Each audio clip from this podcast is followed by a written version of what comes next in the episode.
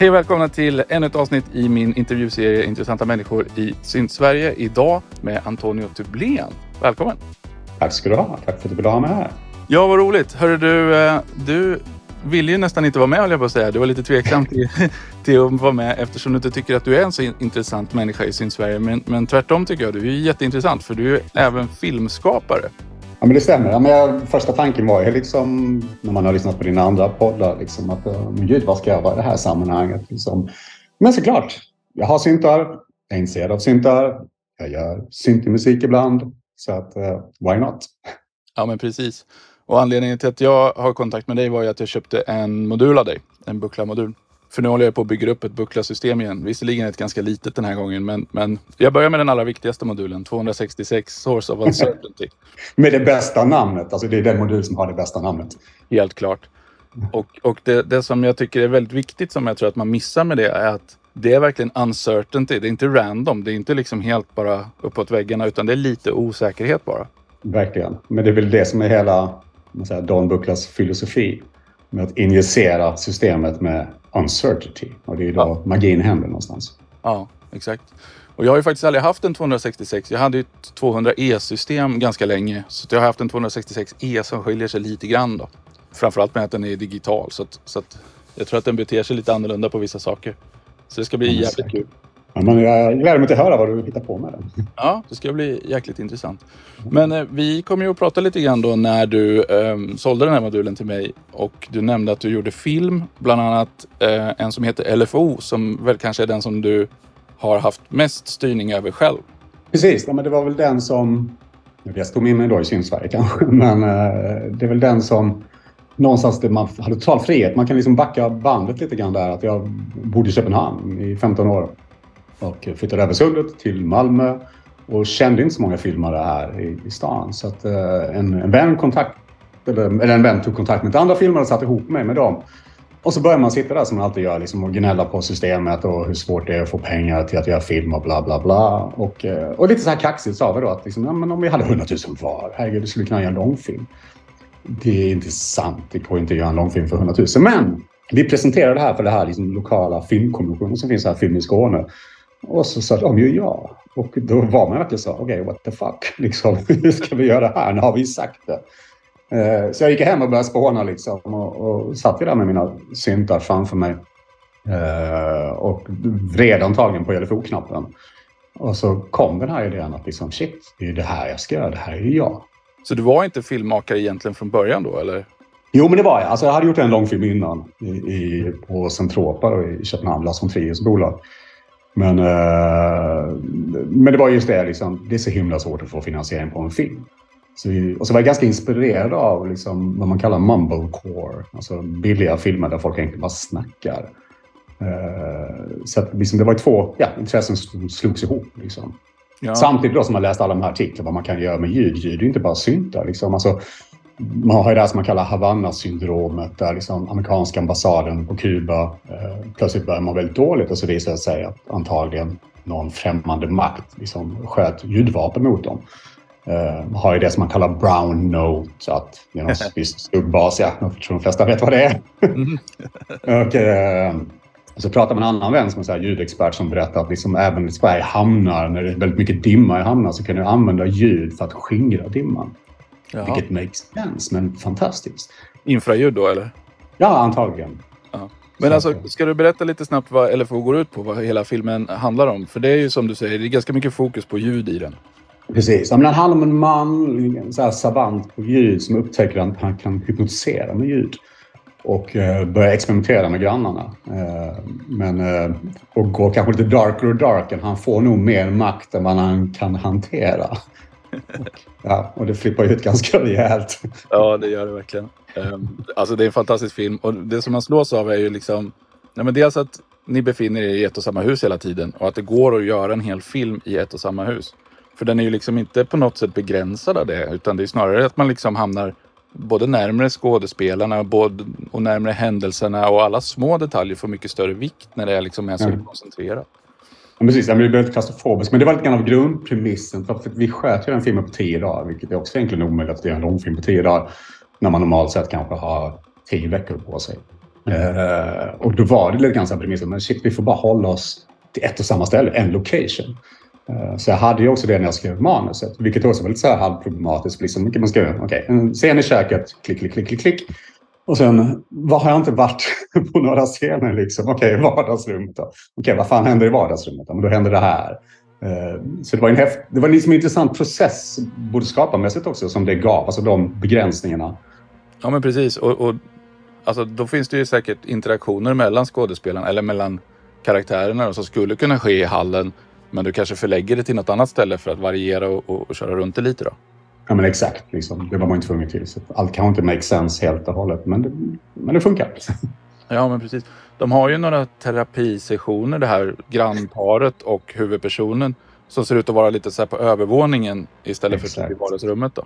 Precis. Där var vi inte så mycket. Det var ju två våningar. Alltså det sjuka är att det är min, min fru nu då, men min flickvän på den tiden, eh, hennes pappas hus i Mölle som vi filmade i. Eh, så det bisarra är att jag har två döttrar också, så vi firar ju jul där varje år. Jag ska också dit nu om, ja, nästa vecka. Eh, och det blir så bisarrt liksom att man har haft, ja, men du har sett den, man har Elvis där, man har alla möjliga grejer som figurerar i filmen. Och ja. så sitter man där och ja, öppnar julklappar. Ja. Det, är också, ja, det måste ju vara en jävla bisarr känsla då att liksom känna igen scener och, och allting. Men, men i ett helt annat sammanhang. Ja men verkligen. Alltså, det är det. Och mina döttrar såg den för första gången. Vi hade en visning eh, för några dagar sedan här i Malmö på en biograf. Eh, så mina döttrar såg den för första gången. Eh, och de kommer nog aldrig se det huset på samma sätt igen. det är förstört för all framtid. Ja, totalt. och det är underbart. Men grannhuset var ju med också lite grann. Va? Man filmade lite på det va?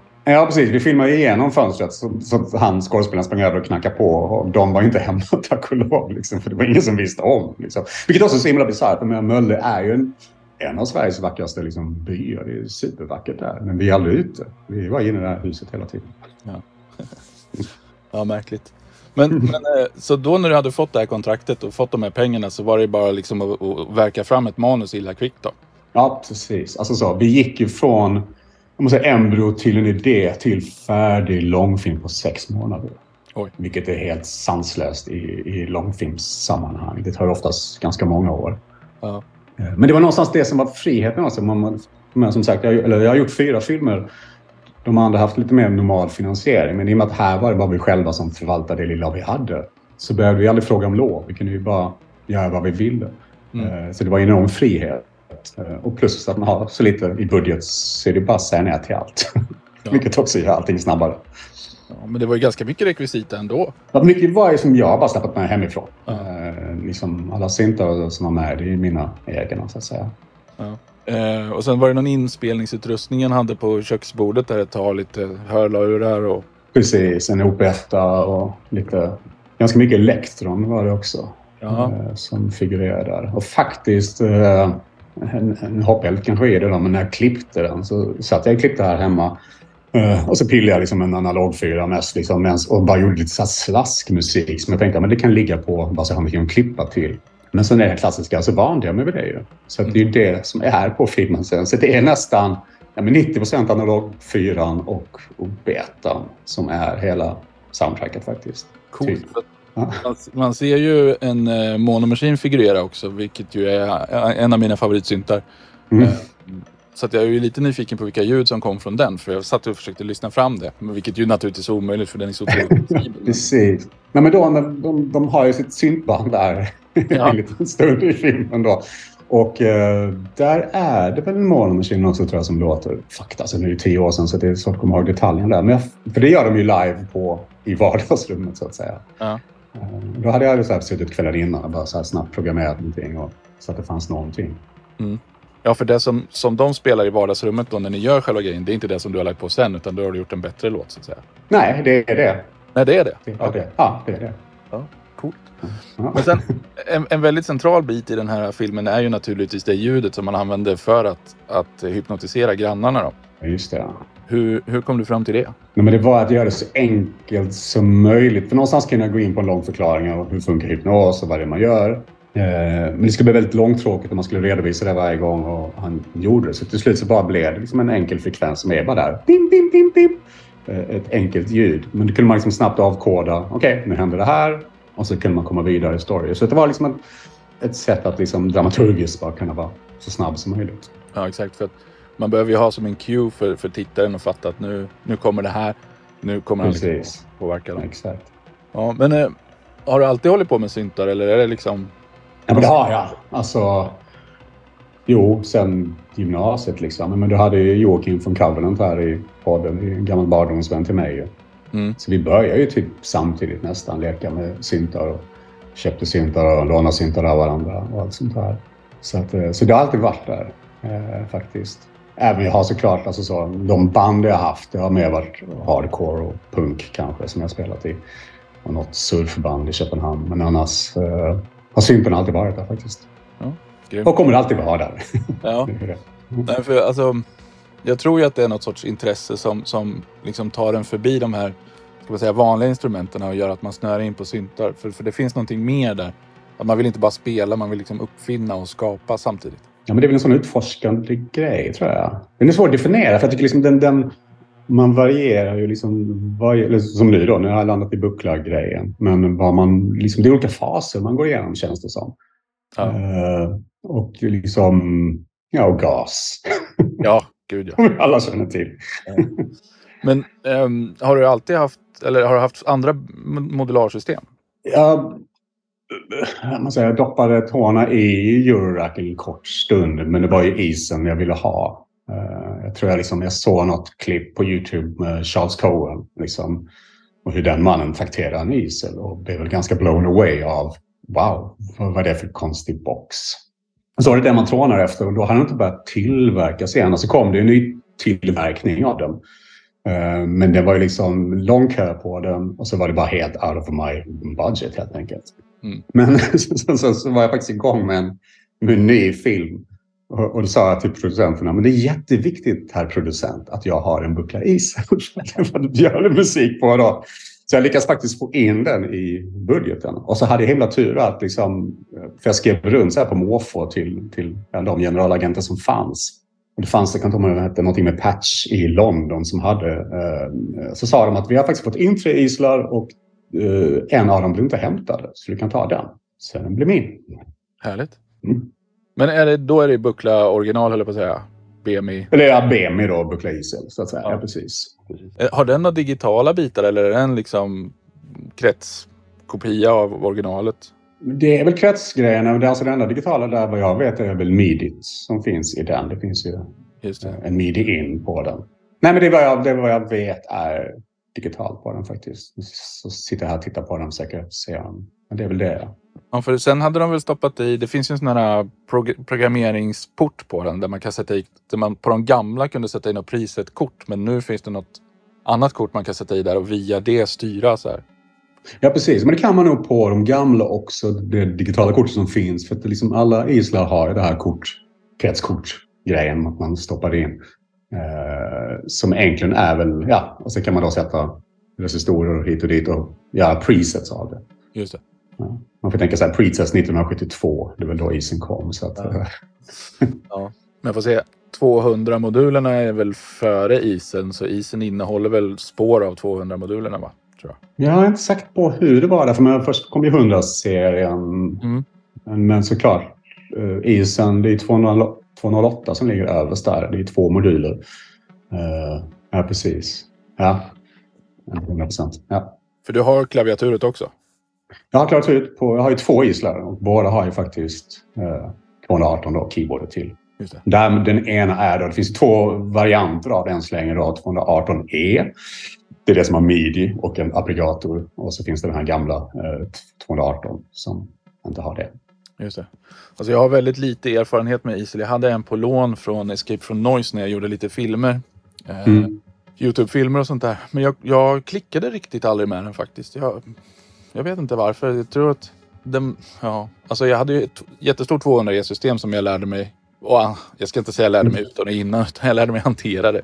Precis, för det går inte att läsa innan passen. Nej. Ja. Men, men isen liksom, den var så annorlunda från det så jag klickade liksom inte med den. Nej, men det är väl så med det. Jag vet att Susanne Ciano har väl likadant med isen också. Det är inte hennes kopp te helt enkelt. Eh, Det kanske lite grann vad man har vant sig vid. Jag vet inte. Alltså, isen kom ganska tidigt. Jag hade bara liksom, som sagt doppat tårna i euro innan isen kom. Så att Så att det blir. Men jag tror det jag gillar med den är ju dess begränsning. Mm. Liksom, egentligen det är en fjuttig monosynt liksom, med två slags oscillatorer. Eh, men den är, den är så inbjudande, liksom hela den här mekano-looken som den har och eh, det taktila i den. För, för det var det för jag hade ju lite mer, då när du köpte eh, 266 av mig, så hade jag ju 15U modular buckla.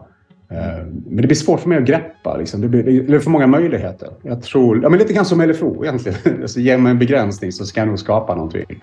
När jag har för mycket att leka med så, så sitter jag bara och pillar. Ja. Det där har jag också funderat lite grann på. Just det här med, med liksom det tomma bladet och de oändliga möjligheterna. Hur det liksom gör att man, man nästan känner sig som att man står i en öken och, och liksom inte vet vart man ska ta vägen. Medan, men, verkligen. men har man begränsningar liksom, och har ett liksom, tajtare ramverk eller vad man ska säga så är det lättare att liksom få fram något. Precis, också beroende på vilken tid man har i livet med allt annat som händer. För men, som jag har det nu så har jag liksom isen till ett gäng pedaler och en looper. Ehm, och så fort man är uttråkad ska man bara gå dit, ett knapptryck, så är det igång. Ehm, och just den här grejen som jag har blivit barnsligt förtjust i det är att, uh, att skapa samtidigt som man spelar in. Så jag, jag har ingen aning vad jag gör, jag bara trycker rec. Eh, på en sån här blue box. Eh, och sen så ser jag vad som händer. Eh, och det blir ganska lustigt ibland när man upptäcker liksom senare när man lyssnar tillbaka. Men wow, man hade ingen aning vad man hade gjort. Man har, liksom ingen, man har inte suttit och ältat i någonting. Har suttit och pillat i, dag i, i, liksom, i ruft. Men har någon form av själ tycker jag. Ja, men det tror jag är jätteviktigt. Och jag tror att isen är ju den underlättar ju så för den är så pass mycket av ett instrument i sig liksom färdigförpackat. Då. Helt klart. Alltså, jag tror att det är lättare att lära sig spela på en isel som ett instrument än det är på ett jättestort modularsystem. Det är jag helt, jag är verkligen enig. Helt enig. Och den är dessutom otroligt responsiv. Men plus också tror jag att den har, alltså, det är märkligt liksom trots den har så, sina begränsningar så att säga, så finns det hela tiden något nytt att utforska.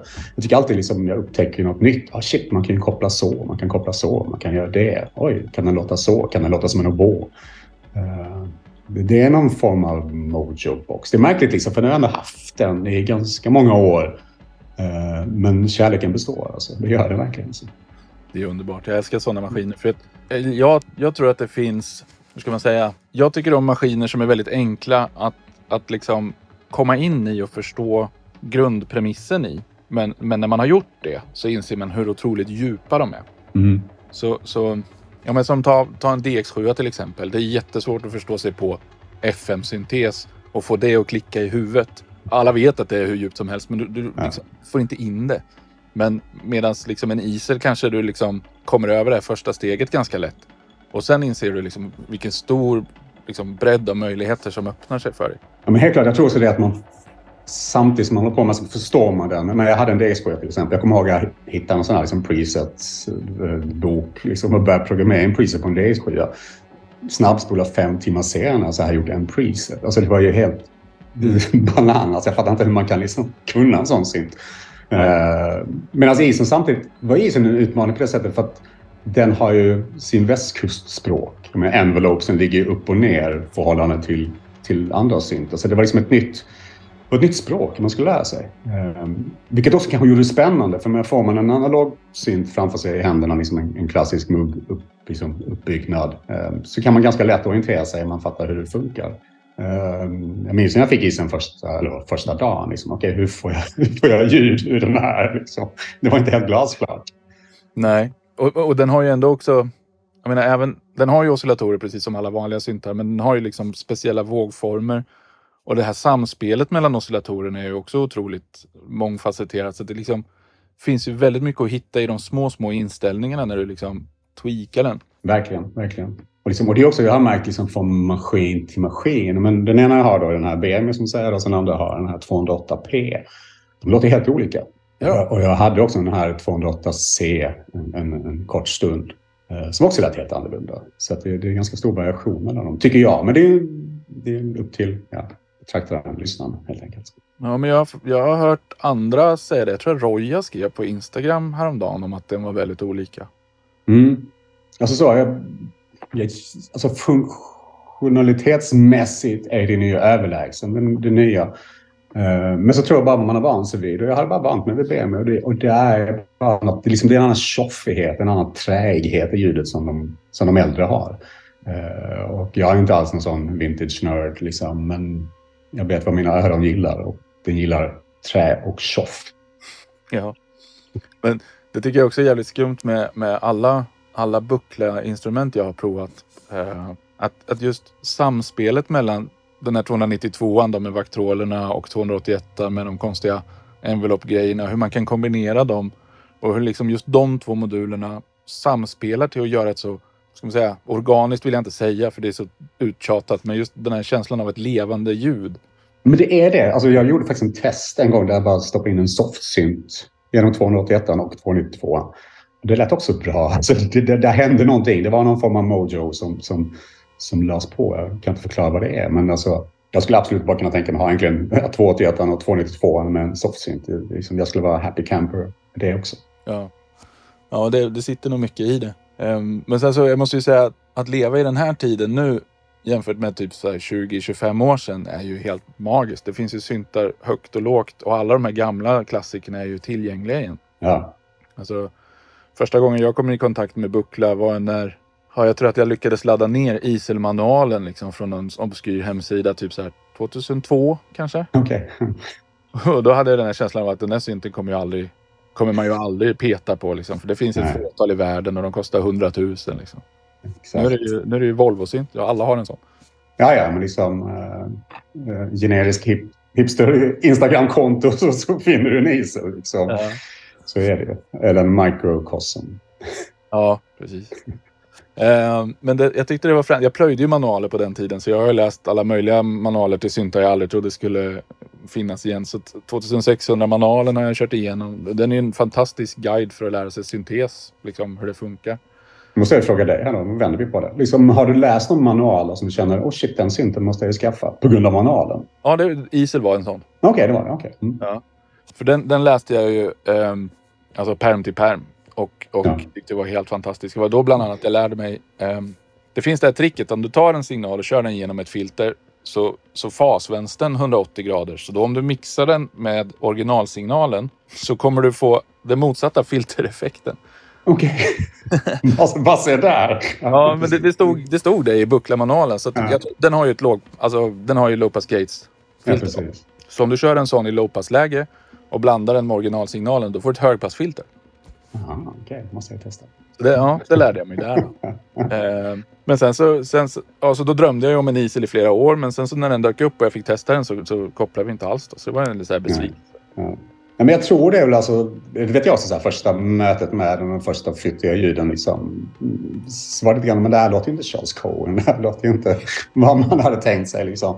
Men, men så är det en klassisk grej, en övning ger färdighet. Och jag tror också det är grejen att, det var det för mig, men det är en jäkligt dyr synt jag kan inte bara behandla den som man ibland gör med sina minigasgrejer. Man köper in någonting, man testar och så ger man, man måste ge den tid.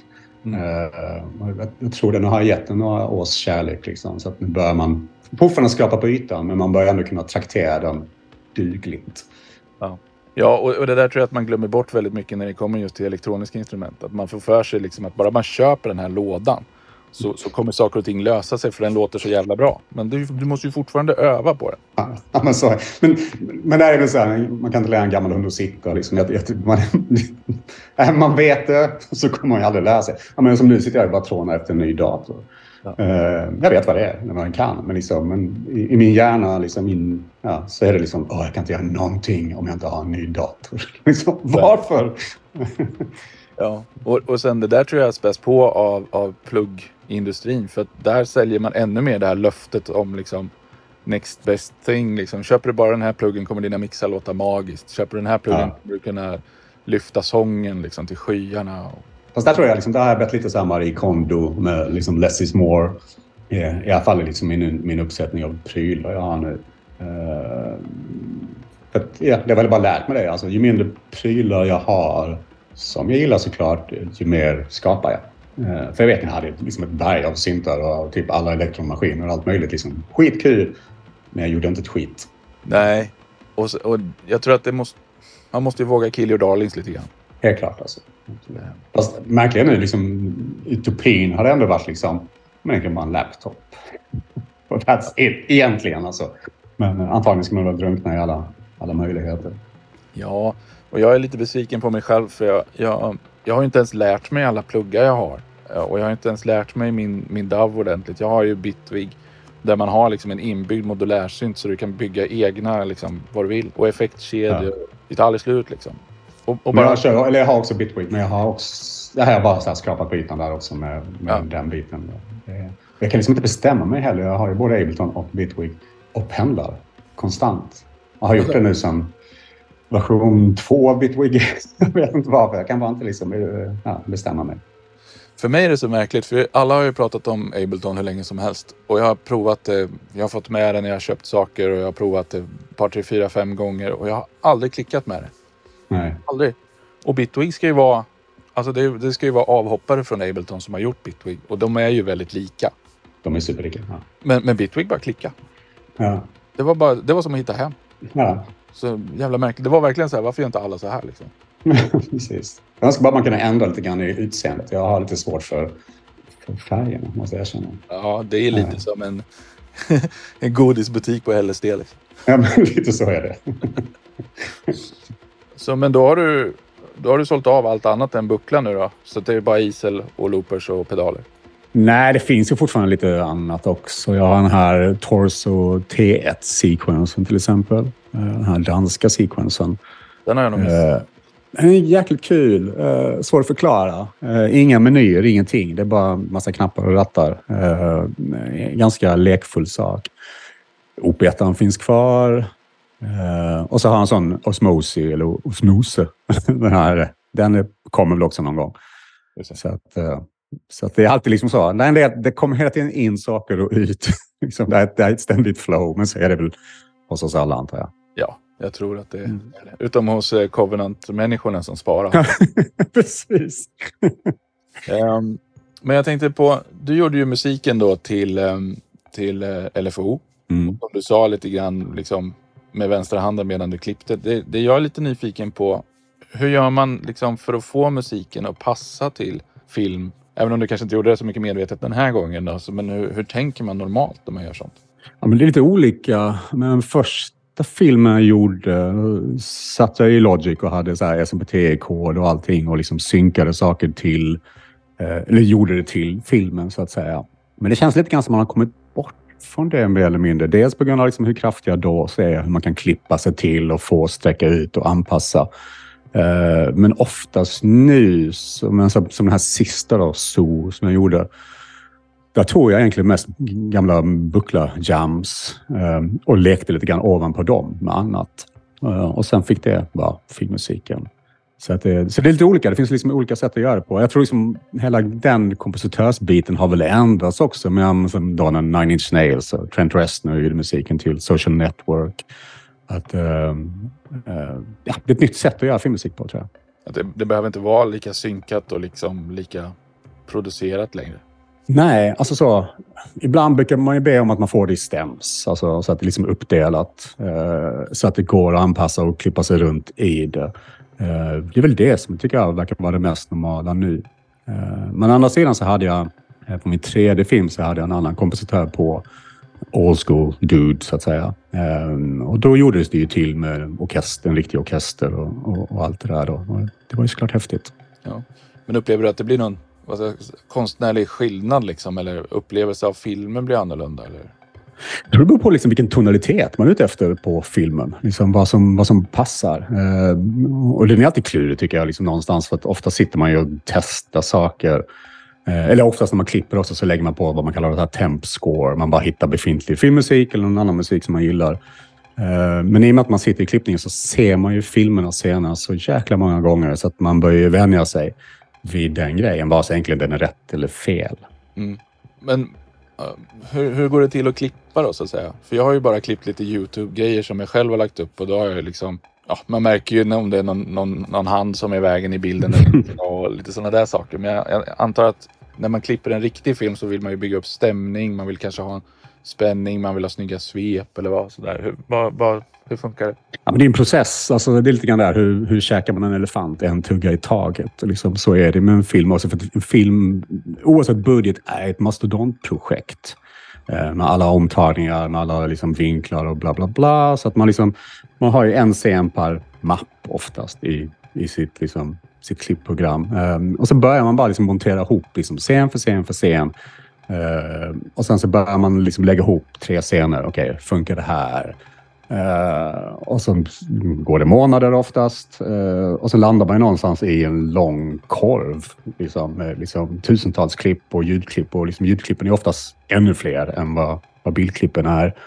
Uh, och, och, någonstans behöver man liksom landa i någonting. Ja, men, ja, men det, här, det här känns ju som en film, tänker man då. Eh, och får lite mini-hybris. Liksom, Yay, en film! Uh, och så kommer feedbacken och då tas man ner på jorden igen och så tycker man shit, jag har gjort världens sämsta film. Uh, och så ska man försöka bygga upp det igen. Så, att, så det, det, det, är en, det, är en, process. Det är den längsta processen man har i, i filmskapande. Det är klippningen. Den, den tar, bara, tar bara sin tid. Ja. Men, men rent tekniskt då, om du har en scen, om, om du har kanske 18 tagningar på en scen. Den färdiga scenen som hamnar i filmen sen, är det delar från varje, alla flera av tagningarna? Absolut. Liksom, uh, ja, man, man bara plockar liksom godbitarna. Och det kan ju också vara beroende på såklart vilken scen det är. Var är handen? Hur är rörelsen? Hur, hur klipps de här samman så att säga? Också lite grann beror på hur man filmar. Som jag filmar ju väldigt mycket med, eh, med, med, med, vad heter det? Med åkvagnar och sån här så kallad steadicam där man liksom monterar kameran på. Liksom. Eh, så jag är lite mer old school där, eller klassisk. Liksom. Men klipp, om vi kör totalt dogme och bara hand, liksom, handkapar. Du kan ju klippa lite grann hur som helst. Uh, så, så, det kommer också att spela in, liksom, vad, ja, hur man gör det. Ja, just det, för det blir ju ingen kontinuitet. Om du ändå är skakig som fan så spelar det ingen roll om du skakig på ena sättet eller andra sättet. Precis. Så på det sättet, liksom, det är väldigt skönt. Jag måste testa någon dag, för det skulle vara så jäkla skönt att bara kunna klippa på dialog. Eh, och bara liksom kunna ha de pauser man vill ha och bara styras av det. Men, men eh, annars, ja, då får man tänka lite mer extra. Men annars kan man säga, om man går tillbaka till LFO, där, var liksom, där fattade jag att om jag skulle filma konventionellt in i ett hus, en hel jäkla film, det skulle bli så himla tråkigt att se på. Så jag har ju lekt ganska mycket med bildspråket där. Men det gör ju också att när jag leker med bildspråket så vet jag ju inte på sätt hur jag klipper ihop det här. För jag vet till exempel om jag har luft åt ena hållet så tittar en person åt, ja, så pratar någon bla bla bla. Eh, man har ju det som man kallar 180-gradersregeln. Som enklast förklaras av att om du filmar till exempel en fotbollsmatch så kan du ju bara ha kameror på ena 180 graders axeln. För att om jag skulle sätta en kamera på andra sidan och klippa till den, då skulle det bli spegelvänt för, för tittaren. Uh, och så har du också när du konstruerar en scen. Du kan inte bryta axeln, 180 graders axeln, för att då plötsligt så tittar folk åt fel håll. Så att, uh, ja, mycket att tänka på. Ja, just det. För att ja, i fotbollsmatchen då så skulle helt plötsligt spelarna springa åt fel håll.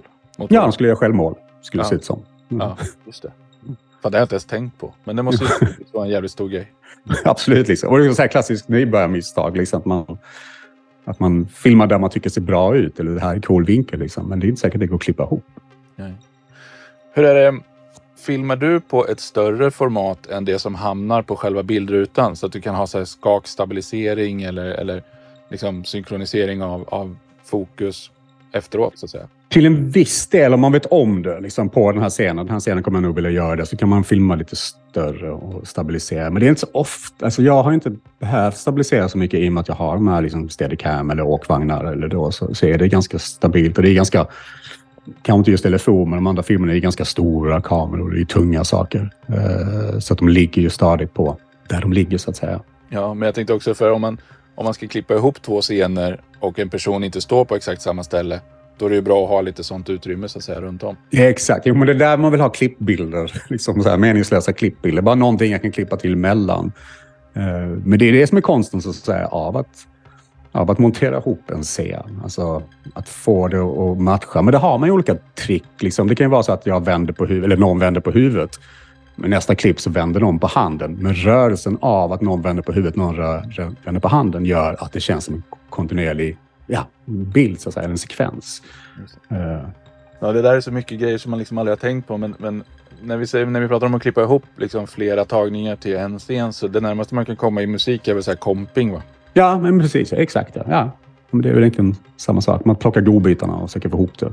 Ja. Men såklart, i musiken så har man ju ändå liksom någon form av tidslinje att följa. Där är väl kanske filmen lite mer dynamisk i, i sin timeline så att säga. Ja, och, och ehm, musiken är ju mer tvådimensionell när, när filmen är tredimensionell. Mm. Men när man gör musik till film, tänker man någonsin på ehm, alltså att, att, det ska låta, att det ska låta som att musiken befinner sig i samma rum som titt, alltså scenen utspelar sig i? Alltså jag menar inte att man lägger på skitmycket reverb bara för att man befinner sig i en grotta, men, men liksom, finns det några sådana samband? Men alltså, ibland har man musik som ska ligga på en radio, som ska ligga någonstans i filmen. Och såklart, då försöker man ju matcha det. Liksom. Fast det görs ju i ljudmixen. Det är ingenting man själv sitter och gör som, som när man komponerar det. Utan det, det hamnar ju i just i ljudmixen. Men annars är det väl bara huvudsakligen liksom att fånga den stämning man vill ha med musiken. Och oftast är ju less is more när det kommer till filmmusik. Ja. ja, vad fan är det då? Det finns ju någon som gjorde musiken till de här tidiga Batman-filmerna eller vad det var. Mm. Vad heter han? Och han har alldeles på tok för mycket hela tiden. Ja, jag måste leta rätt och skriva, på det, skriva upp det i show notesen för jag avskyr det. men ibland blir det bara overkill. Det kan vara lite kul också som komisk effekt kanske, men eh, inte avsiktligt bra antar jag. Nej, inte hela tiden. Mm. Men blir du skadad på sånt här nu? Och, och liksom när du tittar på andra filmer, sitter och tänker på alla de här grejerna? Till en viss del gör man ju. Det är svårt att säga undo det man kan.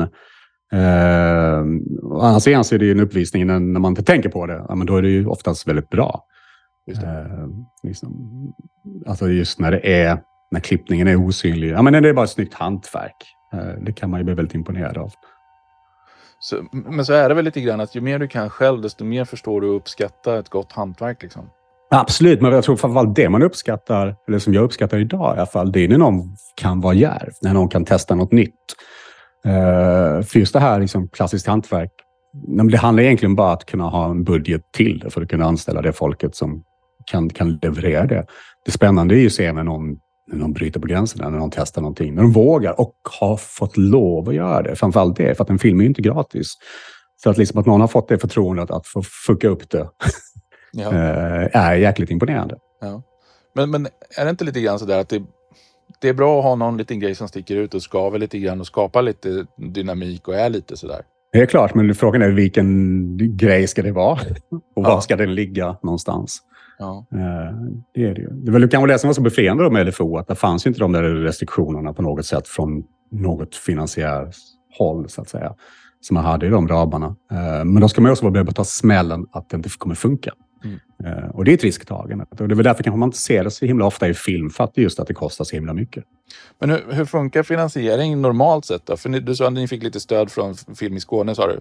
Mm. Och, och sen får ni själv finansiera liksom det som är. Ja, precis. Så får man lägga liksom egna insatser och så får man få tillbaka pengar om, om filmen blir såld. Ja, Eh, hur, hur funkar det då? Så att säga? Nej, men det fun- alltså med LFO så funkar det ju, tack och lov, för att det gick, det gick bra för filmen. Eh, så, att, eh, så vi kunde ju betala tillbaka folk eh, som hade varit med. Nu var det ju bara tio dagar eh, och vi var ganska smarta när vi filmade, för vi började filma den 2 januari, det året vi filmade den. Och det var just det att ja, men då har folk varit med sin familj på julafton, de har supit på nyårsafton, liksom varit bakfulla den första. Eh, och så tio dagar från den andra. Då, då händer inget annat i branschen. Liksom, branschen är helt död där.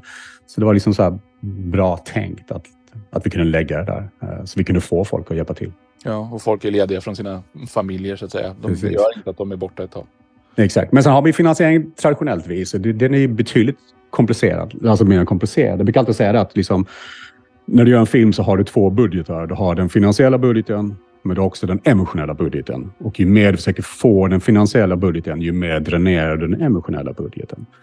Eh, för att det är, liksom, finansieringsbiten tar ju oftast flera år. Och sen så plötsligt så har du ett gäng veckor för att filma filmen där du bara snabbt ska samla ihop allting. Eh, och så som det funkar i Sverige, då har vi Svenska Filminstitutet såklart. Vi har olika regionala ting, men de kan ju aldrig fullfinansiera en film. Så du ska ju alltid hitta andra sätt att göra det på. Eh, till exempel med den här Zoo då, som jag gjorde.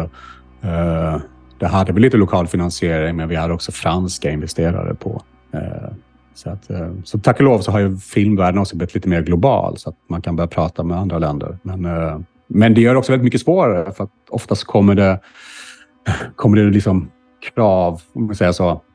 Vi, samarbetar med Irland med en film Eh, och då ska ju då kraven vara att men då ska ni lägga pengarna i den regionen ni har fått dem ifrån.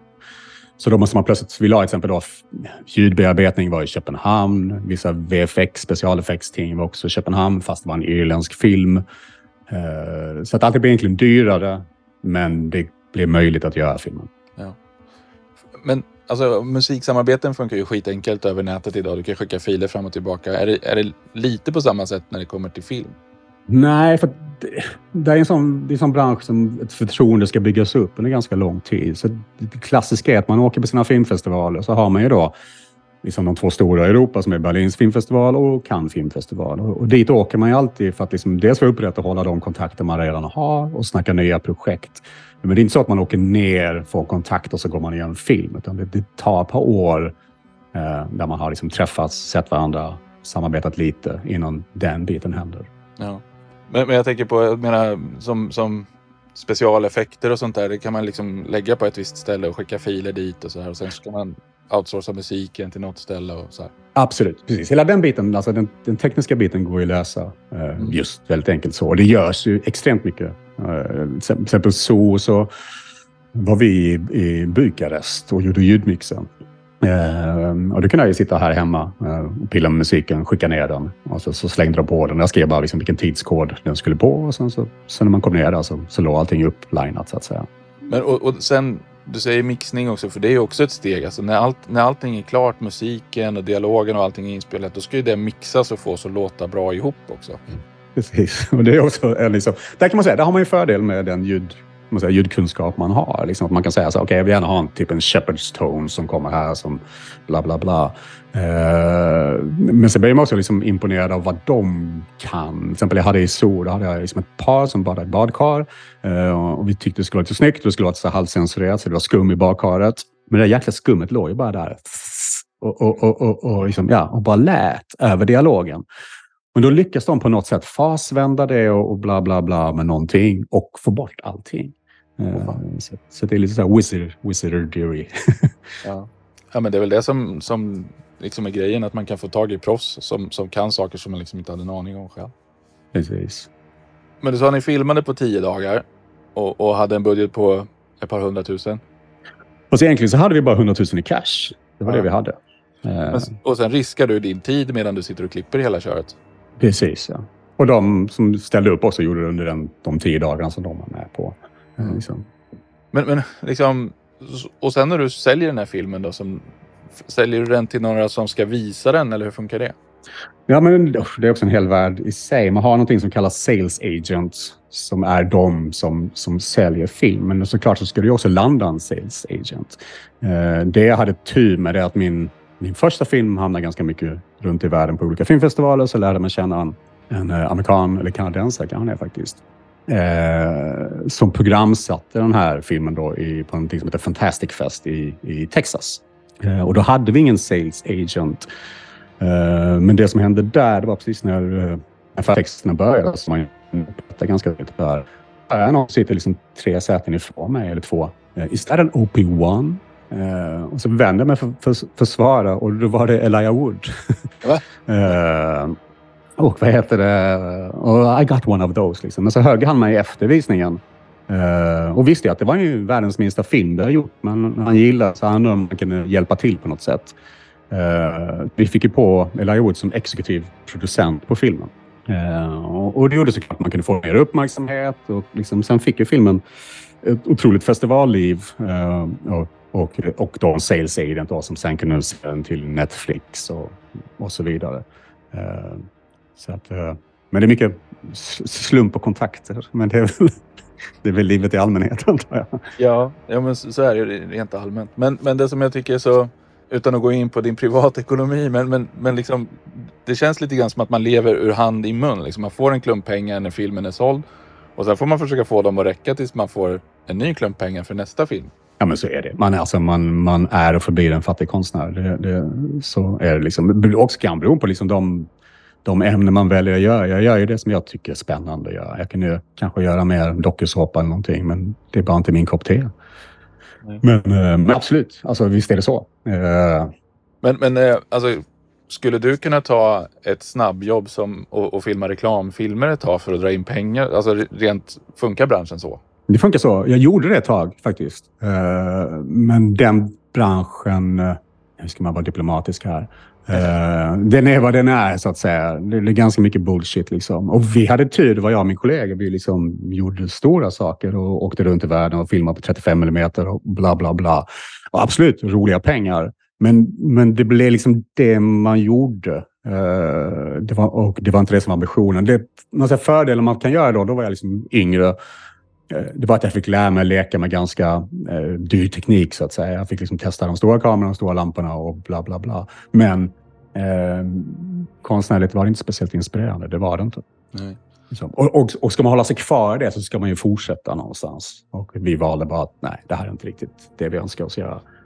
Och det var innan vi gjorde första långfilmen också. Så att, eh, ja. Nej, men det är väl som med allt artisteri att det kräver liksom sin integritet. Att man liksom vågar stå för vad man själv tror på. Satsa på det. Så det är liksom, men jag försöker bara förstå lite grann hur, hur branschen funkar. För jag menar, jag är IT-konsult. Jag hyr ut mig själv på timme och programmerar åt folk. Men anledningen till att jag hamnade i det yrket är att jag älskar att koda. Jag, jag började som typ 13-14-åring och började skriva egna saker. Och, och, och drömde liksom att starta mitt eget bolag och göra mina egna mjukvaror och släppa ut. Men, men det var ju så mycket enklare att bara låta någon betala mig per timme och så, så kan jag försörja min familj och leva på det. Liksom. Mm. Och jag skulle ju vilja någonstans att jag vågade ta steget och leva på, jobba med musik och skriva kod och allting sånt där. Men man blir lite fat and happy och, och offrar liksom, den här drömmen och, och för, för en stadig inkomst. Liksom. Men jag tror att liksom, jag har bara, jag har bara gjort det här alltid egentligen. Liksom. Ja. Så att det är bara det jag har vant mig. Alltså jag hade alltså så, mina första jobb jag vet inte om du kommer ihåg ZTV som fanns way, way back. Eh, det fanns i Köpenhamn. Det var ju så jag landade i Köpenhamn. Och där jobbade jag som klippare och liksom ett fast jobb, fast lön. Woho, jättekul. Eh, men så lades den ner ju. Eh, och då fick jag liksom hitta annat. Och då kom ju såklart den här grejen. Men shit, ska jag inte prova att göra något eget? Och det var faktiskt han, samma kollega som jag har nu, som är min producent, en dansk, frågade mig, har du inte en kortfilmsidé vi kan testa? Liksom? Jo, men det har jag då. Liksom. Så, så gjorde vi en, en bisarr kortfilm här, som vi filmade i Malmö faktiskt. Men eh, den hamnade på en festival eh, i Sydkorea eh, och då flög de dit mig. Uh, och, uh, och, så insåg jag liksom att det tog längre tid för mig att flyga till Korea än det tog att filma filmen. Uh, och det måste ha kostat dem mer att flyga dit mig än vad det kostade att göra filmen. då tänkte jag, men fan det här är rätt kul. Jag vill nog göra mer film. Och sen fortsatte det. jag tycker det låter helt magiskt. Och just den här liksom, äh, jag kanske romantiserar det, men, men det här livet när man, när man inte riktigt vet vad varje dag innehåller innan. Utan man gör liksom det som man behöver göra den dagen. Och mycket kontakter med folk, liksom flyga runt, träffa folk. Göra grejer. Det låter jävligt fränt alltså. Det är spännande, men det är också ibland så här mellan hopp och, vad heter det, hopp och förtvivlan. Liksom att, uh, man vet ju inte när nästa paycheck kommer. Man vet inte liksom... Jag har alltid projekt på gång, men jag vet ju inte om de går igenom. Liksom, det skulle vara jättekul att sitta och prata om alla möjliga spännande saker man har på gång, men sen kanske det inte blir av. Uh, och så, men, så kan men så vet man också det efter alla de här åren. Liksom, det kan bara vända på en dag. Imorgon kan den och den ringa. Eller så händer det. Eller, ja. Uh, så det, gör ju, det blir spännande. Så tror jag också liksom, de här alltså, de här små äventyren man får liksom hamna i. Som sagt, alla de här festivaler man har varit på. Jag, menar, jag var i New York och fick stå och prata med Robert De Niro och det var ju skitkul. Liksom. Eh, vår första film, vi, vi vann i Shanghai och så kommer jag ihåg liksom, med helt extas, för det var en sån här A-festival, en stor festival. Jag sätter mig ner och så knackar någon mig på axeln och så samtidigt som jag vänder mig om så hör jag så här dålig svenska. Det är bra gjort grabben. Eh, och så var det Quincy Jones. och så sitter man där och, liksom, och, och dricker skumpa med Quincy. Alltså så, saker jag aldrig skulle ha landat i annars liksom, sammanhang. Nej. Eh, jag vet eh, inte hur fränt som helst. Jo, men alltså så. När, när det händer så är det väldigt kul. Men så har man såklart den där tiden mellan filmerna när man inte gör någonting. Liksom där, där man saknar den, ja, den grejen. Ja, och sen man måste ju alltid försöka koka ihop något nytt och pitcha det och liksom få det att flyga och allting sånt där. Precis. Tack och lov så jag har, inget, jag har inga problem med det. Jag har inga problem med att skriva. Så att liksom manus och idéer finns hela tiden. Uh, men det är såklart att ta sig igenom alla gatekeepers. Och det är som skivbolag antar jag. Liksom. Man, ska, man ska komma igenom dem. Men, men det där är en intressant parallell just när du säger det här med skivbolag. För de har ju nästan på, på många sätt försvunnit idag. Alltså, vem som helst kan ju lägga ut musik. Mm. Och Och det är ju på gott och ont. Det, det kommer ju jättemycket musik och, och mycket musik som aldrig skulle ha kommit förbi några skivbolagsdirektörer förut finns ju nu. Och, och mycket av det är jättebra och mycket av det är inte lika bra. Ser du något liknande i filmbranschen? Ja, men hela streaminggrejen har ju såklart revolutionerat branschen. Det har det ju. Det är liksom, de kan ju gå in eh, och man kallar det för one-stop shop. Att du kan gå till till exempel Netflix och så kan de ju fullfinansiera ett projekt. Istället för den här andra traditionella finansieringen som vi pratar om, där man måste ha många små instanser på för att komma upp i den budgeten man vill ha. Eh, men det, kommer, det har ett pris såklart. Någon annan äger ju dina rättigheter. Eh, och eh, oavsett hur bra filmen går så, så har ju inte du någon bonus av det. Det finns ingen lottkupong i det längre. Och så plus såklart att liksom... Där finns algoritmer, där finns saker och ting. Där finns liksom svårt att ha sin konstnärliga frihet på samma sätt mm. när, man, när man leker den, den leken.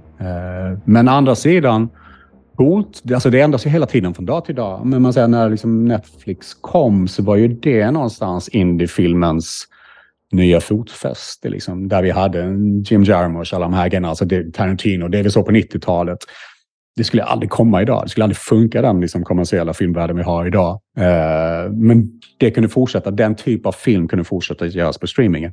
Nu har ju streaming gått över till att göra mer blockbusters. Nu, nu är det ju de som är den biten. Så who knows? Kanske indiefilmen kommer tillbaka till bio igen. vi får se. Ja. Eller i något sorts annat format. Men men, men grejen är att film är fortfarande så pass dyrt att göra om det ska bli tillräckligt bra så att du kan liksom inte... Alltså som idag så räcker det med att köpa en laptop så kan du göra musik och lägga upp på Spotify. Men, men det räcker inte med att köpa en kamera så kan du göra film och lägga upp på Netflix liksom. Nej, på andra sidan så kan det ju vara det som kan göra att du får den möjligheten. Vi har han, vad heter han, David Sandström. Det var en svensk kille som gjorde eh, den här kortfilmen Lights Out. Jag vet inte om du har sett den? Ja, jag älskar den. Precis. Precis. Men han är ju vidare i Hollywood nu och gör massa. Han gjorde ju dels långfilmen och så gjorde han ju Shazam och, och bla bla bla. Uh, så det var ju ett calling card han gjorde med, med den så att säga. Uh, ja. så att... Och, och den är väl typ filmad hemma med, med vilken kamera som helst? Precis. Vad jag har hört, jag vet inte om det är sant, men det var liksom att han hade fått nej från Filminstitutet och allt möjligt. Kom hem deppig liksom och så satte i sin tjej. Vi gör en kortfilm och så gjorde de den. Eh, och så var den smart. De gjorde den utan språk, utan dialog så att säga. Så att den kan ju bara explodera på nätet. Ja, den är helt sjuk. Och den vad är den? En minut? Ja, precis. Ja. Jag visade den på dottern för typ en vecka sedan. Alltså den är fortfarande scary. Ja, den är skitscary. Det är, alltså, det är alltså en skräckfilm som går ut på att en tjej är på väg att gå och lägga sig. Och så när hon släcker liksom lamporna, eller lampan i, i hallen då, då, då, då, får man se en kort glimt av, av någonting läskigt. Och så kommer det en, en, en jump scare-ljud naturligtvis. Ja. Och, och, det är hela premissen. Och sen slutar det med att, att hon kryper ner i sängen och så släcker hon lampan och då, då dyker det upp något monster. Som... Precis, ja. och det där matar de av på en minut. Jag, jag får ståpäls nu när jag pratar om det. Ja, men den, den är ruggig alltså. det är skitbra. Och den, de gjorde ju faktiskt en ganska bra långfilmsadaption av den. Ja, men jag tycker också det faktiskt. Jag tycker de lyckades. Mm. Liksom, jag tänkte först om hur satan gör man liksom en, en långfilm om det här? Ja, hur drar man de lyckades? Ja. ja, precis. Ja. Men de lyckades. Och där kan man se annars just med skräckgrejen. Det är en genre som folk också tar till sig rent när man gör lite lägre budget och så. Vi, är, vi har ju exempel de här Bloomhouse som, som är i USA som gör mycket de här Insidious och allt möjligt vad de heter. Nu är ju det såklart fortfarande bra budgetar, men, men just det att en, en skräckfilm kräver sällan stora namn. Du behöver inte ha en Tom Cruise, du behöver inte ha det. Du kan bara ha liksom någon habil som funkar. Eh, kan, och kan du ha tur så kan du fortfarande liksom resa eh, jorden runt så att säga. Ja, det är nästan bättre att ha någon som är okänd. För en känd skådis gör ju liksom det svårare att Exakt. tro på på något mm. sätt. Exakt. Jag har en annan fråga som, som bara är lite lösryckt. Men, men du sa att Elijah Wood gick in som exekutiv producent. Jag har alltid undrat vad fan det är. Men exekutiv producent är... Ska, det kan vara så många. Alltså grejen är att om man kollar på tv-serier så kan det stå massa exekutiva producenter men de är egentligen manusförfattare. Så det är egentligen bara en titel man, man slänger ut för eh, eh någon som har någon form av, av ingång så att säga. Mm. Eh, men i och med att de kommer in som exekutiva producenter och han har hans bolag eh, så kommer de ju också in med sitt kontaktnät, så att säga, med hela sin, sin grej så att säga och kan hjälpa till. Precis. Eh, men just en exekutiv producent kan vara väldigt mycket. Jag har också varit exekutiv producent på saker och ting där jag i princip inte har gjort någonting. så att det, det, kan, Ja, men det är lite det jag, jag misstänkte. Men, men som du säger, det, man får tillgång till kontaktnätet och, och det är så saker händer helt enkelt. Precis, ja. Och liksom, han ställde upp och snackade om det och, och vi gjorde ju faktiskt en liten tävling. I och med att liksom, vi hade ingen budget liksom, på det, men så var Tidig Engineering så snälla så att de eh, gav oss en OP1 att lotta ut. Eh, så folk gjorde eh, trailermusik eh, till och så satt då Elijah i juryn då bestämde vem man tyckte var bäst och så bla bla bla. Ja, Så perfekt. små knep man får ta till när man inte har PR-budget. ja, men det blir lite crowdsourcing och det liksom sprider ordet Nej. och lite så här. Exakt. Du, eh, jag har tänkt lite grann på det här med filmindustrin, för jag vet jag stötte på något annat tillfälle där det var en sån person som var väldigt emot att man delade idéer med dem. Jag tror att det var någon syntillverkare. Alla har ju en idé för en modul och sånt där. Jag tänker alla har väl en idé på ett filmmanus. Är, är det så i filmbranschen också att man vill helst inte höra om andras idéer? För om man själv skulle komma på den idén så kan man inte göra filmen för då kommer någon hävda att det var deras. Men både och. Alltså, så jag, jag ser inget värde i det. Alltså, folk kommer säga jag har en bra idé. Men good for you. Liksom, när idén är gjord, när den är liksom fullföljd, då är det någonting. För att när jag på en filmidé, det är ju skitlätt. Liksom. Uh, skriv manuset, liksom. då kan man snacka. Eh, Men det, jag vet absolut, liksom, men exempel då, skillnaden mellan Sverige och Danmark var att i Danmark så delar vi alla idéerna. Och vi, vi, liksom, vi hjälpte varandra, vi kollade på varandras klippning och bla bla bla inom branschen. Eh, Men alltså, jag märkte på svenska sidan så var det lite mer, liksom, här är min idé, den håller jag för mig själv. Men jag tror det har ändrats faktiskt. Jag tror det har hänt ganska mycket. Men ja, Ja, för, för alltså jag har två idéer som, som jag måste bolla med dig sen, men det tar vi off men, men jag tänker på det här som du säger. En idé är inte värd någonting utan du måste liksom få lite verkshöjd på det innan det liksom är någonting som är gångbart. För det är så mycket arbete kvar från det att du har en idé till du liksom står där med ett färdigt gods så att säga. Det är precis som att säga bara, ja, men vi har värsta coola idén för ett band. Liksom. Ja, jaha, skriv låtarna liksom. Börja, börja göra något. Ja, men exakt. Jag tror aldrig vi har sådana vänner som har de är bara fyllda med koncepter och idéer. Liksom. Men de gör sällan någonting. Det kan vara väldigt underhållande. Eh, Men det är lite som du säger, det måste finnas en här verkshöjden. Någonting måste, det måste finnas något mer än bara en pitch. Ja. Men när du skriver manus, sitter du, sitter du liksom bara vid en dator och skriver rakt upp och ner eller har du några speciella tricks? Nej, rakt upp och ner. Liksom, man har den här romantiska liksom, bilden. Oh, jag ska sitta och göra det mysigt. Jag ska lyssna på lite musik och, och bla bla bla. Men jag är så tråkig. Det ska bara vara helt tyst och så bara sitter jag. Eh, men det jag brukar säga är att jag, jag själv konstruerar första akten. Sen brukar mina karaktärer ta över. Eh, det är då jag tycker det blir spännande för mig i alla fall. Att, att, eh, att jag inte, för en del har ju det att de outlinar allting. De vet precis vad som ska hända varje sekund. Jag vet vart jag ska någonstans. Jag vet var slutet ligger någonstans. Även det kan liksom ändras lite grann. Eh, men sen är ju resan dit som jag tycker är spännande. Och liksom, jag är helt akademisk försöker liksom föreställa mig vad en karaktär ska göra så blir det ganska torftigt manus. Som som ett manus nu som jag inte har producerat än. Men då har jag, en, då har jag ett gäng karaktärer. Och en karaktär, jag gillar henne jättemycket. Jag bara tänkte shit, det är hon som då ska, ska få överleva typ då, för folk kommer dö. Men, eh, men så dödade jag henne först när jag skrev. Och då var det bara, okej, jävlar, vad, vad gör jag nu? Men det gjorde det väldigt spännande, för då har jag målat in mig i ett hörn.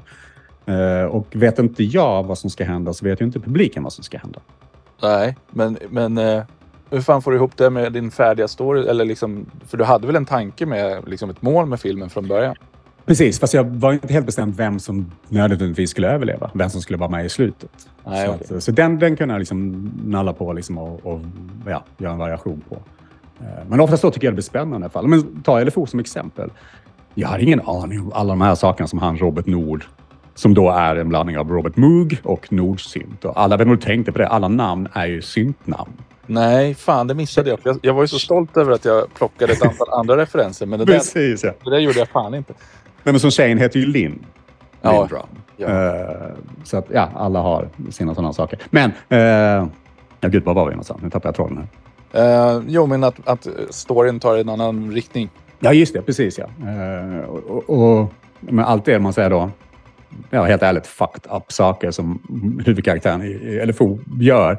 Jag tror inte jag skulle kunna liksom planera ut det, utan det händer i där man är. Men det är också det som händer när man skriver. Man blir ju, man blir ju karaktärerna, man går in i deras ja, mindset helt enkelt.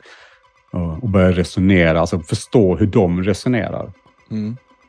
Eh, jag, jag hade någon sorts bild av att, att man satt liksom ett gäng och bara kastade idéer i luften och, och liksom eh, byggde upp saker på det sättet. Men, men eh, TV funkar ju så ja, till viss del. Då har man ju då vad man kallar writers room. Eh, där du har då en, en så kallad showrunner som är liksom huvudmanusförfattaren. Eh, och så har du då ett staff writers, alltså olika författare. Liksom. Och där är det lite grann så att man bryter ner liksom varje akt, varje episod eh, och ja, kastar ut sig idéer. Och sen så får någon i uppgift att gå och skriva den, den episoden sen. Ja. Eh, så, så, så tv funkar faktiskt så till en viss del.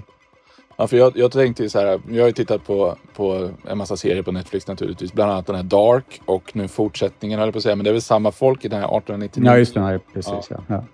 Dark var ju knasig så det räckte och 1899 får jag ingen ordning på alls. Och jag, och jag tänkte det, det är väl ett gäng galningar som har suttit och rökt någonting skojigt och, och bara hittat på liksom. Eh, så att någonstans så trodde jag att det funkar lite så. Ja, men jag tror där de är nog väldigt kära. Jag, nu har inte, jag har bara sett bitvis av båda. Liksom. Men de är ganska kära i konceptet och det visuella. Alltså, man har ju olika, olika intressen. Precis som olika musiksmak så finns det väl samma sak inom i- i liksom, ja, vad man har för smak inom vad man vill göra. Eh, och det är ju såklart väldigt visuellt och väldigt bombastiskt. Ja. Eh, Men, men jag hatar när man liksom när man lämnas efteråt med fler frågetecken än, än man gick in i, i, i prylen med. Liksom. Det, det blir så, bara, jaha, vad, Ja, men det, jag håller med. Alltså så, jag vill ju att liksom, jag ska gärna vara nyfiken. Liksom, Okej, hur hänger det här ihop? Men jag blir åtminstone mer tillfredsställd i slutet av okej, jag köper faktiskt den här. Den är plausibel, den här, det här avslutet. Liksom. Men när det inte blir det, då känner jag mig lurad. ja, lite så. Och, och, och det finns väl någon sorts, inte vet jag, en del tycker väl säkert om det, men, men, men om vi ska ta slutet på LFO då till exempel så är ju det, innehåller ju mängder av frågetecken men du får ju ändå en liten sorts kontinuitet eller förklaring eller lite så. Jo, den, den, är, den är väldigt speciell i slutet. Liksom.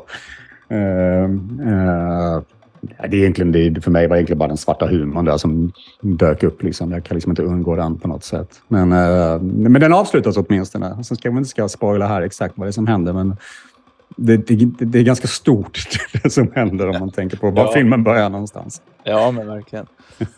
Ehm, men, men sen så tänker jag också på, alltså, för att dra en parallell till det du höll på att prata om med, med att du låter karaktärerna leva och att du liksom försöker känna dig in i dem. Så, och, och, och att du skriver första akten och karaktärerna skriver resten. Så tycker jag det funkar när man gör en riktigt bra låt. Att man, att man på något sätt lyckas slänga upp bollen i luften och få igång liksom alltihopa. Och sen faller resten på plats lite grann. För att Alltså om man, om man börjar med någonting, man kanske hittar en slinga, man kanske hittar en ackordföljd. Och sen så hör man så här, ja men det här ackordet vill ju fortsätta med det här. Och, och den här slingan vill ha trummor på det här sättet. Och, och, och, och de saknar den, den här typen av bas. Och liksom, så att man, för mig är det liksom en tröskel att komma över och sen, och sen kommer det mesta av sig självt. Ja, men det är väl inte, jag vet inte om det är Todd Barton, han bucklarguden, som säger det, men liksom follow the sound. Det, och det stämmer ju. Alltså, ju, mer, ju mer trådar du har att dra i, ju mer har man någonstans att liksom komma till. Eh, Så det är sant tycker jag också att eh, bara man har någonting. Men det är lite så här skillnad på det vi pratade innan. Liksom, från en idé. Men din idé är en idé. Men, liksom, men finns det någonting, då finns det någonting att bygga vidare på. Så att jag är helt Ja. enig.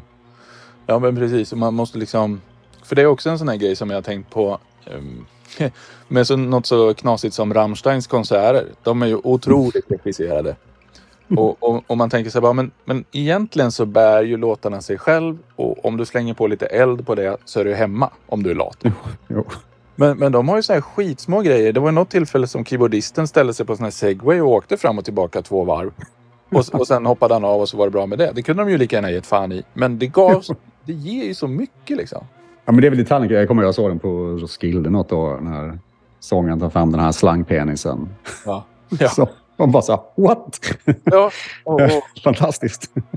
precis. Och, men jag antar att filmmakande är väldigt mycket så också. Att du har lite små detaljer och lite små hints och lite grejer. Jo, men det har man ju. Men det vet jag ibland liksom, när man liksom är på festivalerna och ser om sina filmer ibland. Eh, man sitter ju och längtar till vissa scener bara för att också få höra lite grann reaktionen i salongen. Eh, det är ju liksom, så måste det vara för, liksom, om man har en superhit och spelar det för en livepublik och alla sjunger med. Ja. Eh, det är kul att höra skratten eller förfärandet eller vad det nu är reaktionen blir. Ja. Men sen så, ja. Och det här med, med att du la in en massa referenser till, till syntar i, i filmen är också kul. Eh, som till exempel... Ganska tramsigt, men är kul. Ja, men det är underbart. Och sen just när man gör sin egen film som man får välja helt själv så är det ju liksom påskägg och, och grejer. Precis. Ja, men du märkte varje klockslag var ju 303 eller 606 eller 808. Och du hittar ju också den där 737 överstruken. Ja, precis. Eller 777 va? Ja, 777. Ja, just det. Ja, och det roliga är ju att de har i princip precis nu häromdagen bara sagt att de ska nytillverka dem tydligen. Jaha, okej. Eh, för det är en fantastisk synt som kom tidigt 2000-tal kanske. Okej, ja. Ja. Men du, jag tror du är den enda som har sett det. ja. Men att jag missade namnen är ju fan dåligt. Robert Nord liksom. Det låter ju som Robert Nord till och med. Exakt. Det var lite kul också för att eh, jag hade en sån lin, Linstrument ett tag. Eh, och så ska man ju skriva, när man registrerar den, ska man ju skriva till, till Linn. Och då är det ju Linn själv som svarar. Eh, så jag blev helt starstruck liksom, att, att få ett mejl från Linn. Liksom. Och så hamnade vi i någon, någon dialog i mejlet där då. Eh, eh, där han fick en länk till LFO. Nej, han gick och köpte den. Han gick och köpte den. Jaha. och sen började han liksom twittra om den och skriva sitt nyhetsmejl. och det är märkligt liksom för att man möter ju många förlorare liksom och, och, och kändisar i branschen. Det är ju oundvikligt. Men man blir så extra starstruck när det liksom är Roger Linn. Liksom. Hallå? Ja, verkligen. Men, eh, men då har jag en liten anekdot också. Du köpte dina buckla-grejer ganska nyligen, eller? Nej, väl när kom till nytillverkningen var det 2016 va? Tror jag. Ja. Som den kom tror jag. Ja, då. ja. För 200E kom ju 2004 tror jag. Mm. Och jag började köpa sådana 2008, 9, 10 någonting. Okej. Och då levde ju Don fortfarande. Ja, just det. Och de var ju inte så uh, internet-savvy så att säga. Så att man fick ju ringa honom Mm. om man ville beställa. Det var ju han som svarade. Var han så butter som man har hört? Ja, ja. Är, Okej. eller butter, men han, är, han var väldigt så här... Uh, nej men som, som människor som är jävligt smarta kan vara. Mm. Så var han lite så här bokstavlig. Ehm, jag, ska inte, jag ska inte påstå att han hade någon diagnos eller, eller sådär. Men jag, jag ville ju ha den här 296. Du vet den här Ja, just det. Spectral. Ja, den Ja. är helt fantastisk.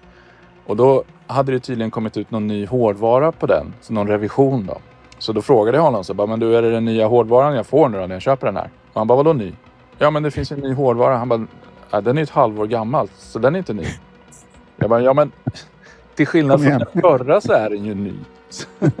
men för honom var det så bara, nej men i så fall skulle den ha kommit i förra veckan, då är den ny. Liksom. Wow. Men eh, Ja, intressant. han var ju jättetrevlig så liksom. Och, Ja. och väldigt hjälpsam när jag, när jag försökte fråga honom ja, vad ett bra system var och så vidare. Så. Ja. Eh, hur fick du ny som buckla? Vad var det liksom? Hur landade du i det? Ja, jag, jag, jag såg det lite grann på nätet. gjorde jag ju när det kom 200E. Och så var man ju alltid nyfiken och sådär. Och då hade, på den tiden hade jag ett ganska stort synthesizers.com-system och Mm. eh, lite Modcan-moduler. Och Modcan är ju lite, lite västkust kan man säga. Inte, inte superduper då, men, men ändå lite sådana influenser. Och så på något sätt fick jag kontakt med Johan Boberg, en kille i Stockholmstrakten som körde mycket buckla. Han hängde mycket på EMS och, och hade 200E och sådär. Så jag stämde träff med honom och eh, fick prova hans lilla äh, grejer då. Och eh, fastnade totalt. Ja. Sålde allt och körde buckla. Nej, det är farligt. Ja, det är farligt. Men, men sen så blev det också liksom att varje session man satt vart ju en klangresa. Man satte sig ner med synten och så gjorde man lite ljud och så vart det inte mer av det. Och, och jag kan sakna det idag för att det är ju väldigt meditativt och, och härligt och mysigt och sådär. Men jag ville ha lite mer utkomst. Jag ville göra låtar och jag ville liksom Mm. Sådär. Och, och i den vevan så startade jag ett band tillsammans med en tjejkompis och då, då funkade det ju inte buckla. Då var man ju tvungen att ha lite mer vanliga syntar. Liksom. Ja. Fast det ironiska är att det enda jag officiellt har gett ut på skivbolag är buckla. Se där. Så, Ja, men då får vi köra en repris på det tycker jag. Liksom. ja, precis. Jag, hoppas att, igen. ja. Eh, jag var ju hemma hos en skitskön kille härom veckan. Alvaro Villalobos. Ja, just det. Han har man sett på nätet, ja. Mm. Ja, han är grym. Och han har ju rätt mycket buckla. Och, och, och som jag fick ratta på. Då. Och det var... Fy fan vad skönt det är att komma tillbaka till det här. Och sen känna att det sitter i muskelminnet. Liksom, att man, Ja. fan, jag vet ju hur man gör med de här. Men det är någonting också, tror jag, för mig var det med liksom formatet, 4U, liksom, att det var lite större, det var lite tillgängligt. Det var liksom inte det här Europill som jag tyckte jag hade innan. Uh, liksom, det var en bidragande faktor också faktiskt, att liksom storleken. Ja, men det tycker jag också är viktigt. Nu gick ju jag från dotcom som är ännu större. Men, Ja, just det. men, eh, men det är liksom... Jag håller Vad är med. det? 100U? Nej, 5, 5U. 5U. Ehm, men sen så tycker jag en jättestor sak med buckla är ju banankontakterna. Absolut, absolut. Att, och, och sen att det är skilt. Att, att ljud är en sorts kablar och, och CV är en annan. Ja. Det, det är, många säger bara... En del, en del verkar ju störa sig på det, men jag tycker också att det är skönt att ha det skilt. Liksom, för det gör det lätt för mig att avkoda vad jag ska, så att säga. Ja, och det finns ju liksom FM-kapabilitet ändå liksom. Och, och motsvarande grejer där det, där det är vettigt. Ja. Så, ja, jag vet inte. På något sätt så styr det mig i en riktning och det är en sorts kreativ begränsning som inte jag tycker är i vägen på något sätt. Ja. Men där kan man ju säga där liksom med, med buckla, liksom, och den klang man får, vare sig den är unik eller inte, så att säga. Men bara för att glida in på det här tillbaka med filmmusiken. Att just det här att... Eh, jag tror liksom, för att, nu är det säkert en del som lyssnar som gör såklart filmmusik och bla bla bla. Men just att... Eh, många kommer ibland och vill göra filmmusik och så vill de bara ha en Zimmer 2. Eh, men vi har redan en Hans Zimmer. Jag tror det är bättre att hitta liksom, sin lilla obskyra ljudvärld och på det sättet liksom ta, ta in det i filmen.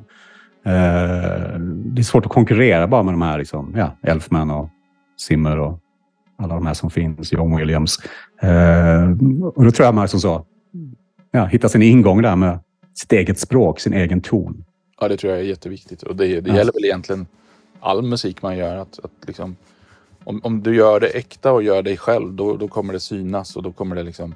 Precis. Och så plus har man väl den, man säger då, det är inte så att liksom jag sitter här på med Buckla Isel och tror att jag ska komma på Billboard. Liksom, det är inte riktigt det som, som, som händer med den musiken. Men det kan landa i en film. Jag gjorde faktiskt filmmusik till, till en kompis nu i somras. Uh, då hade jag liksom uh, var ganska låg budget, så jag kunde ge dem premisserna. Okej, men då får jag göra lite grann vad jag vill. Och då var det switch on Isel och sen så se var man hamnar någonstans. Det är grymt. Mm. Men du har den så pass tillgänglig så du går bara och knäpper på den liksom någon timme om dagen och bara kör lite. Jag önskar att det vore en timme om dagen, men eh, lite då och då. Några gånger i veckan i alla fall. Liksom, när det finns tid. Eh, men, eh, men jag funderar, alltså så, nu är det ju jul och nyår och allting som kommer här. Det kanske det finns lite mer tid att få leka. Jag har några kompisar, vi brukar liksom utmana varandra. För liksom så, man, man kommer alltid mot slutet av året nu och så säger man då, ja, men nästa år, 2023, shit, då ska jag göra en platta. Och så, och så säger man samma sak 2024 och, så, och så vidare. och så vidare liksom. Men då har vi gjort en sån grej att vi utmanar oss själva. Liksom, så här, några dagar innan nyår så måste vi sätta ihop en platta på en dag. Ja. Eh, och så bara vet, det spelar ingen roll om det är bra eller dåligt. That's not the point, så att säga. Utan det är bara för att liksom, få ett utlopp.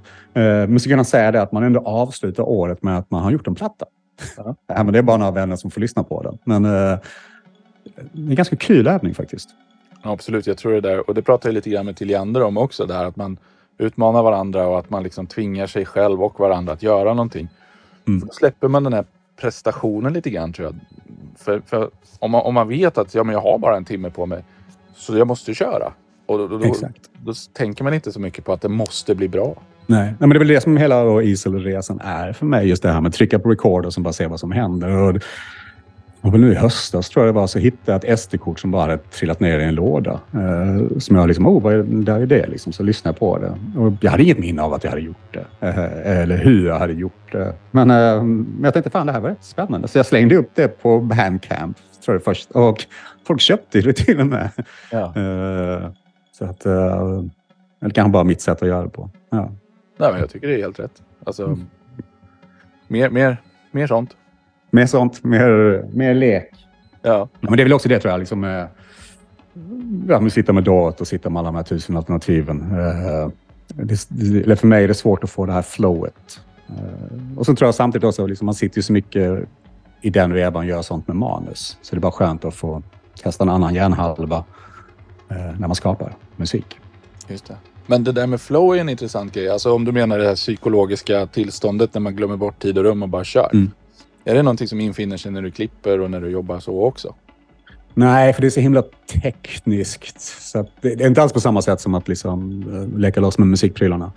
Uh, att det där... Uh, ja, det är mycket teknik man ska hålla i huvudet samtidigt. Och liksom klippteknik och logistik och, och, och bla bla bla. Uh, men kontra då, jag kan märka när jag liksom pillar med, med bucklan. Liksom, för då trycker jag rec och sen tror jag det har gått två minuter och då har det gått 15 minuter. Uh, så att man, man hamnar i någon slags meditativ tillstånd. Ja, nej men, men det, är- det är väl det som riktiga instrument har som, som eh, mojo och magi. Liksom. Det här att de kan fånga en i, i eh, flowet och få det att funkar. Liksom. Precis. Vad är din Mojo-maskin då? Ja, just nu är det nog elektronprylarna. Alltså syntakt och monomachine är sådana där som gör att man liksom försvinner in i det. De, det, de är så lätta att skapa en hel, ett helt ljudlandskap med. Mm. Jag har börjat experimentera med lite så här um, elektrodubb, liksom. Mycket reverb och mycket ekon och grejer. Och det, Härligt. ja, och det är så lätt att liksom landa i det med de maskinerna. Ja. Men jag hoppas Men ju... mjukvara då? Vad sa du? Sitter du, någonting, sitter du någonting med mjukvara då? Alltså, har du några favorit Nej. Nej. Alltså, när jag har spelat en stund med, med elektronmaskinerna så spelar jag in det och sen så brukar jag lägga på kanske någon mer ackordmaskin och sen någon litet mm, grejs i, i, eh, i daven. Och då är det ju Mm. Stinplant älskar jag till exempel från eh, Okej. Det är svenskt va? ja, Sonic Charge heter företaget. Ja, just det. Ja, just Han det. Som är den där trummaskinen. Ja, exakt. Mm. Och eh, Teenage Engineerings Pocket Operator, den här Tonic-grejen? Ja, just det. Precis. har han varit med i. Eh, så det tycker jag ju jättemycket om. Men sen så jobbar jag med mix och master mm, lite grann vid sidan av åt, åt folk. Eh, och då är det Ja, 100% i mjukvara. Ja. Och då blir det ju lite så här att man hamnar i ett flow tycker jag. För att eh, jag har lärt mig mina pluggar så pass väl som jag använder för de sakerna. Så att jag, jag hör liksom vad jag behöver lägga på, vad jag behöver göra. Och då blir det ju ofta att man försvinner iväg. Man tror att det har gått en kvart, men det har gått en timme. Men det är, väl, är inte det tricket liksom? Alltså just det att lära sig sina prylar. Det är väl där man kan hamna i ett flow. eh, just när man sitter och man trevar. Liksom, ja, men Octatrack är en klassisk exempel. Hur fasiken var det när jag gör det här? Och, och, eh, det ska liksom in i ryggmärgen på något sätt. Precis. Det måste liksom, du måste korsa barriären och få in det i muskelminnet så att du inte behöver tänka. Så att det, liksom, Mm. instrumentet blir en förlängning av dig själv. Och det kanske bucklan har lite genväg till eftersom du inte sitter där med ett specifikt mål utan du sitter där och vill bli överraskad. Exakt. Ja, precis. Men helt klart muskelminne där, absolut. Liksom. Eh, och så den här då, doseringen av rattar och regler. Så att säga. Regler. Eh, är det för mycket så ja, men det är ju svårt att orientera sig. Ja, och det där är lite mitt problem med, med, med euro varför jag aldrig liksom fastnat ordentligt i det träsket. För det, där finns det återigen för mycket valmöjligheter. Så du måste ju välja ur hela den här djungeln av Ja, ja. Det var ju någon som beskrev det så bra tyckte jag. Det var ju som att, att, att hålla på med euro, det är som att eh, lägga ett pussel utan kantbitar. Ja, men lite så. Det var fan jävligt bra. För det tar aldrig slut. Liksom. Nej, men det gör inte det. Alltså, så. Eh, Å andra sidan kan du bygga vilken form du vill. Det, är- det är sant. Liksom. Men å andra sidan så kan det vara begränsningar ändå som gör, eller ja, för mig i alla fall. Jag förstår. Ehm, Men i och med sekretessen i din värld så, så är det inte läge att fråga dig vad du har på gång. Nej, alltså så. Det finns ju ett par långfilmer man gör, men vi har också börjat liksom glida in på tv-biten såklart. Som, som alla andra, liksom, i och med att det här har bara blivit en ny värld. Så, att, så den är vi absolut igång och utforskar. Sen när och hur det händer, det vet jag faktiskt inte. Men, men, saker är på gång i alla fall. Mm. Så att, eh, jag får hoppas. Eh, Men så får man se liksom, ja, vilket avseende de kommer göra det. Kommer det vara regi? Kommer det vara manus? Kommer det vara... Ja, det är väl de två sakerna jag gör huvudsakligen. Eh, Men jag skriver på saker i alla fall. Jättekul. Mm. Bra, då får vi önska hoppas. lycka till och tacka så jättemycket för att du tog dig tid att vara med idag. Ja, men tack för att du ville ha med mig. Det var jättekul och lärorikt. hoppas, hoppas jag inte babblar för mycket. thank you